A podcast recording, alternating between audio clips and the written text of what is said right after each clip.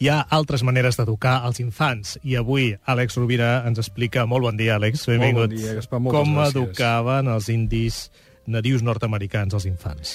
Hi ha un llibre, en la línia que venim dedicant en els darrers blocs de notes d'aquí de l'Ofici de Viure, Pensant ja en les vacances d'estiu. Pensant en les vacances d'estiu. a la cantonada. i en llibres eh, que costen pocs diners i que valen moltíssim, en aquesta línia ens agradaria recomanar un llibre publicat eh, per l'editorial eh, José J. Olañeta, que fa llibres petitets però editats amb una delicadesa i amb una estètica preciosa. Aquest llibre es diu La estrella matutina, eh, la saviesa dels indis pells roges.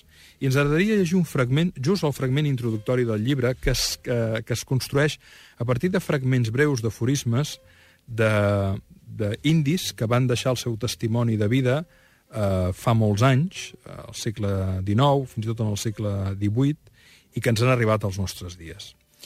I diu així, estem acostumats a identificar la saviesa o el coneixement amb, el, sa- amb la sabidoria dels llibres, i per això molts pensen que l'indi nord-americà, que no tenia una cultura escrita, mancava de civilització i vivia immers en una ignorància primitiva.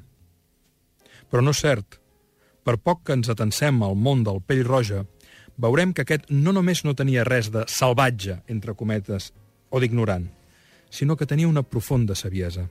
Aquesta saviesa, que certament no s'expressava en cap sistema escrit, era, per damunt de tot, un estil de vida basat en una aguda consciència de la unió de tot el que es manifesta en la creació i en la comunió de l'home amb tots els éssers de la creació.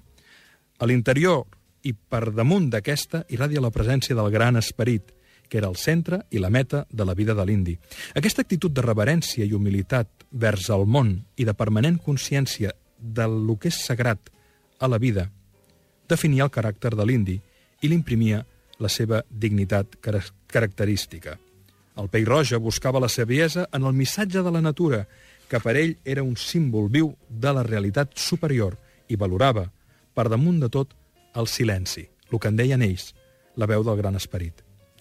En aquesta dimensió contemplativa, el pell roja unia les qualitats de noblesa i desprendiment pròpies del guerrer, que es manifestava amb una actitud independent i estoica davant la vida i la mort, agermanat amb l'univers sencer, tolerant i respectuós, digne i humil, amant de la llibertat i bàsicament centrat en la presència del gran esperit, l'indi nord-americà revela un concepte de la vida impregnat de veritable saviesa.